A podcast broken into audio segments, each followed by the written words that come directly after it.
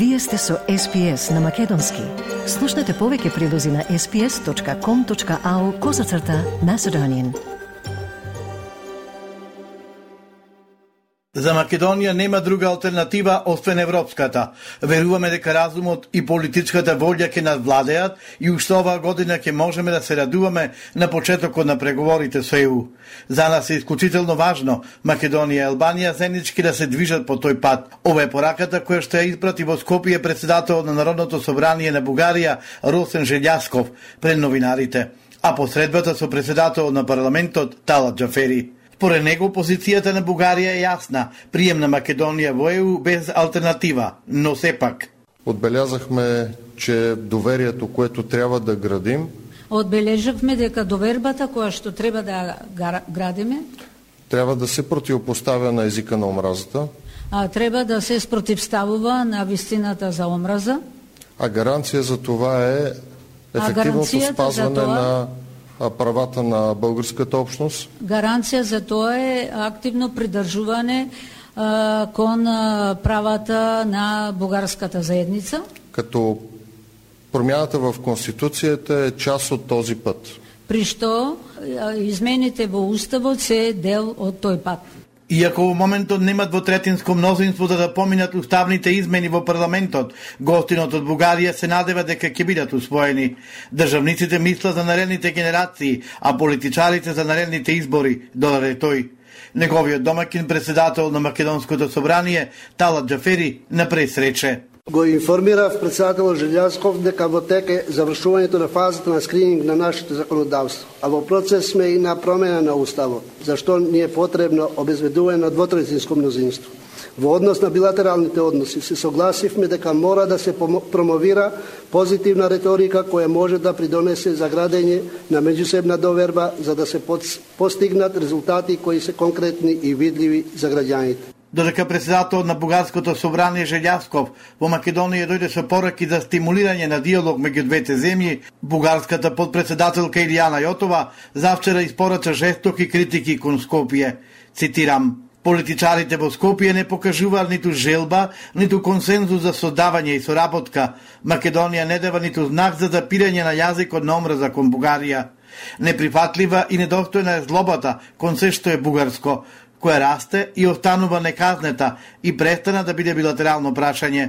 Јазикот на омраза на Република Северна Македонија кон Бугарија веќе европско прашање, изјави Јотова на Софискиот универзитет Свети Климент Охридски по повод за вчерашната прослава на 100 годишнината од формирањето на Македонскиот научен институт. Шефот на европската дипломатија Жозеп Борел сака да ги вклучи земите од Западниот Балкан во носењето одлуки на надворешната и безбедносната политика на Унијата пред членството со покана да за учество на сите состаноци како наблюдувачи. Ова е прифаќање на македонското барање за приближување на кандидатите пред полноправно членство, вели во изјава за МТВ министерот за надворешни работи Бујар Османи, кој председавач со ОПСЕ.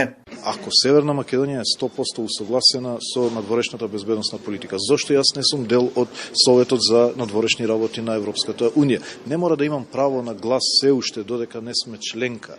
Меѓутоа треба да бидам на маса, како што треба да бидеме на маса секаде каде што сме усогласени со реформите и со стандардите на Европската Унија. Османи потврди дека на престојниот министерски совет на Опсе во Скопје се прават напори да може да присуствува и рускиот министер за надворешни работи Сергеј Лавров. Американскиот амбасадор во Обсе Майкл Карпентер на прес рече дека доаѓањето на рускиот шеф на дипломатијата не може да се спречи, оти Русија е членка на Обсе. It is clear that I don't that no minister will welcome Sergei Lavrov with open arms. What Russia has done in Ukraine is absolutely appalling. Uh, the Commission of War Crimes and Crimes Against Humanity makes Mr. Lavrov's attendance problematic for a number of delegations. That remains the case. But at the end of the day, this organization is one that is inclusive and that has 57 members in it. Секретар на САД Ентони Блинкен на на – Американскиот амбасадор во ОПСЕ Карпентер изјави дека го очекува тоа иако во овој момент не може да се даде најава за тоа. По децидното не за заеднички круг на председателски парламентарни избори, премиерот Димитар Ковачевски вели, кога и како ќе се одржат изборите, ќе одлучат партиите. Различни партии имаат различно гледање во однос на законските обврски, во однос на трошоците кои што произлегуваат и така натаму. Меѓутоа сметам дека пред нас имаме доволно време за да договориме секако што е потребно, за да Македонија го продолжи својот пат кон градење на исклучително високо ниво на демократско општество. Сметам дека Социјалдемократскиот сојуз на Македонија како водечка партија во коалицијата ќе излезе исто така и со својот став, кој што на крајот на денот ќе биде хармонизиран со сите. Споени избори се добра опција, бидејќи не сме богата држава и ќе одат на еден трошок, но и тоа представува и можност за успех, смета председател на ВМРО ДПМН Христијан Митковски. Го охрабрувам раководството на СДСМ Зечевич и Ковачевски да се надминат себе си и да застанат еднашка во интерес на народот и да се договориме за за датум, значи да бидат одговорни кон собствениот народ, кон собствената држава, не кон тендерите, не кон провизиите, туку кон собствениот народ и кон и кон собствената држава. И затоа, еве, ние како ВМРО да ДПМН, ќе повторам, стоиме на располагање, подготвени сме за договор, за разговор во било кој формат кој што тие ќе го договорат. Заврши евакуацијата и на последните македонски државјани од ризичните зони во појасот Газа. Сопружници од Македонија за кои подолго време се праве обиди да бидат извлечени е напуштија Газа и се наоѓаат во Кајро. Веста на Фейсбук ја соопшти шепот на македонска дипломатија Бујар Османи. Владата на Селница го успои предлог буџетот за 2024 на Министерството за финансии. Премиерот Димитар Ковачевски и министерот за финансии Фатмир Бесими го оценија како разбоен и дека ќе обезбеди економски раст. Предлог буџетот за 2024 година тежи 5,5 милиарди евра, во него над 660 милиони ќе бидат за исплата на плати во јавниот сектор, а 733 милиони евра ќе се одбојат за капитални инвестиции, изјави на прес премиерот Ковачевски. Со буџетот се гарантира редовна исплата на платите, пензиите и социјалната помош, како и надмирување на другите потреби на граѓаните, како и сервисирање на обврските на државата кон кредиторите. Трета година поред буџетот се планира во услови на изразена неизвестност, надворешни ризици и неповолни трендови во глобалната економија.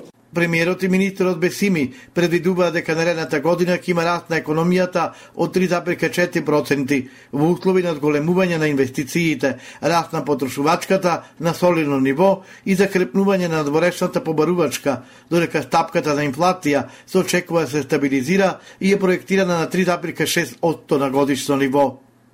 Државата ќе се задолжи и над една милиарда евра. Со парите ќе се враќа стари долгови, а ќе се покрива и буџетскиот дефицит, а министерот за финансии Бесими на пресрече. Купно заплати во јавниот сектор е 160 милиони евра во овој буџет во кој кратиме номинално дефицит во однос на 23 година. Во овој буџет има 170 милиони евра повеќе средства издвоени за пензии. Тие се носат врз основа на системските решенија и во првиот случај на плати и во однос на случајот на пензиите што воспоставивме системско решение на усогласување на платите и пензиите со просечната плата и развојот на нашата економија. Предлог буџетот допрва ќе биде представен во собранието, каде прецениците ќе треба да го гласаат. Европскиот суд за човекови права во Страсбур донесе пресуда во која се посочува дека на поранешниот министер за транспорт и врски Милијана Киески неоправдано му бил продолжуван домашниот притвор во два судски случаи за 27 април и шпанските скали. Државата ќе треба да му плати одштета од 3900 евра во рок од 3 месеци од правосилноста на пресудата, како и 2200 евра за трошоци и расходи. Од кривичниот суд појаснуваат дека според пресудата притпорот за Милијана Киевски е оправдан, а критикувана е должината на жалбената постапка.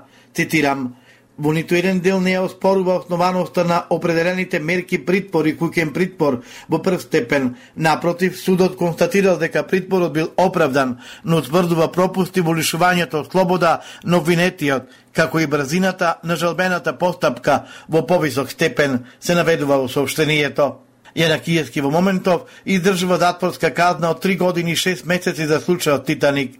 Со измените на кривичниот законник, јавниот обвинител Деновиве се откажа од понатамошно гонење на Јана и останатите обвинети во случајот Топлик поради застареност. Поранешниот директор на УБК Сашо Мјалков се спаси и од Титаник 2 за изборните нерегуларности. Апелацијскиот суд го одби обвинението, бидејќи со измените на кривичниот законник му застарело делото. На другите обвинети Мендух Тачи, Сашо Срцев, Бедреден Ибраими и Владко Сајковски затворските казни им се преиначени во условни.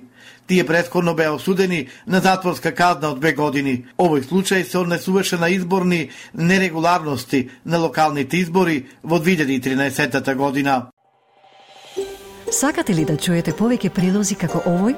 Слушате подкаст преку Apple Podcasts, Google Podcasts, Spotify или од каде и да ги добивате вашите подкасти.